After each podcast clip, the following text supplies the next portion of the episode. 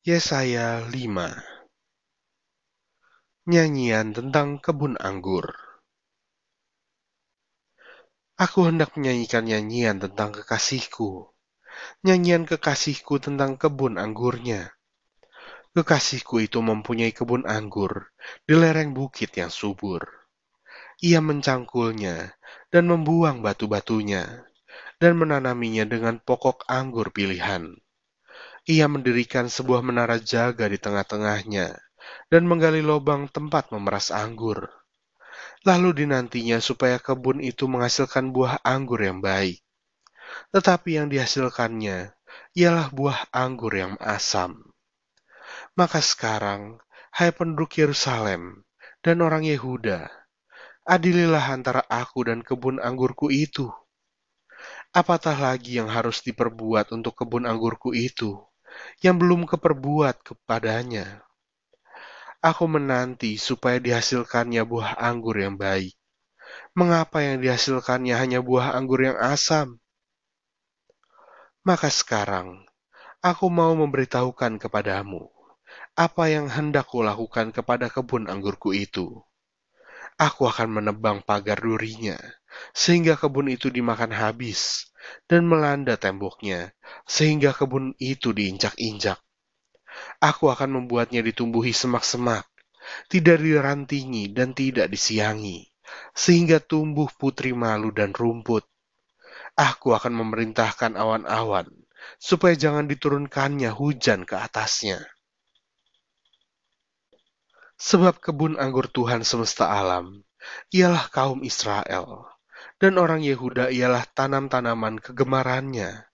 Dinantinya keadilan, tetapi hanya ada kelaliman. Dinantinya kebenaran, tetapi hanya ada keonaran. Peringatan tentang pelbagai keburukan. Celakalah mereka yang menyerobot rumah demi rumah dan mencekau ladang demi ladang, sehingga tidak ada lagi tempat bagi orang lain dan hanya kamu sendiri yang tinggal di dalam negeri. Di telingaku terdengar firman Tuhan semesta alam. Sesungguhnya, banyak rumah akan menjadi sunyi sepi. Rumah-rumah yang besar dan yang baik tidak akan ada penghuninya. Sebab kebun anggur yang luasnya sepuluh hari membajak akan menghasilkan hanya satu bat anggur, dan satu homer benih akan menghasilkan hanya satu eva gandum.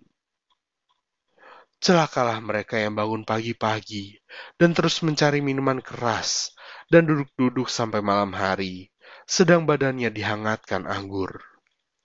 Kecapi dan gambus, rebana dan suling, serta anggur terdapat dalam perjamuan-perjamuan mereka. Tetapi perbuatan Tuhan tidak dipandangnya, dan pekerjaan Tuhan tidak dilihatnya. Sebab itu, umatku harus pergi ke dalam pembuangan, oleh sebab mereka tidak mengerti apa-apa. Orang-orang yang mulia akan mati kelaparan, dan halayak ramai akan menderita kehausan.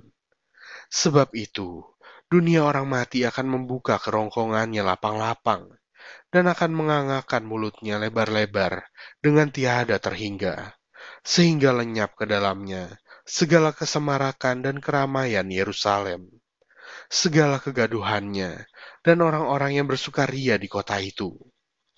Maka manusia akan ditundukkan dan orang akan direndahkan. Ya, orang-orang sombong akan direndahkan. Tetapi Tuhan semesta alam akan ternyata maha tinggi dalam keadilannya.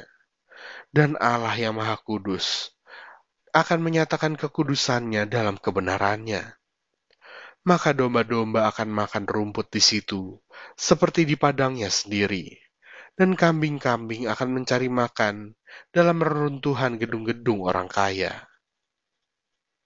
Celakalah mereka yang memancing kesalahan dengan tali kedustaan, dan dosa seperti tali gerobak, yang berkata, Baiklah Allah lekas-lekas dan cepat-cepat melakukan tindakannya, supaya kita lihat dan baiklah keputusan yang maha kudus, Allah Israel datang mendekat, supaya kita tahu.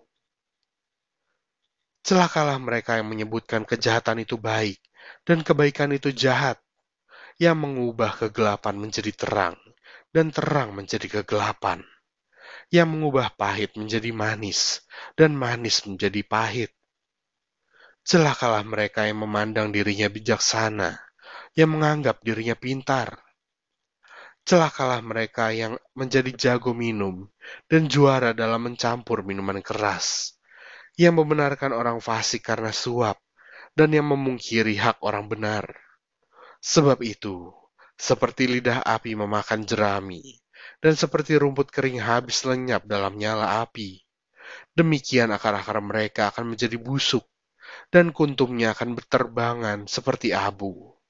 Oleh karena mereka telah menolak pengajaran Tuhan semesta alam, dan menista firman yang maha kudus, Allah Israel. Bangsa asing sebagai alat murka Tuhan. Sebab itu, bangkitlah murka Tuhan terhadap umatnya.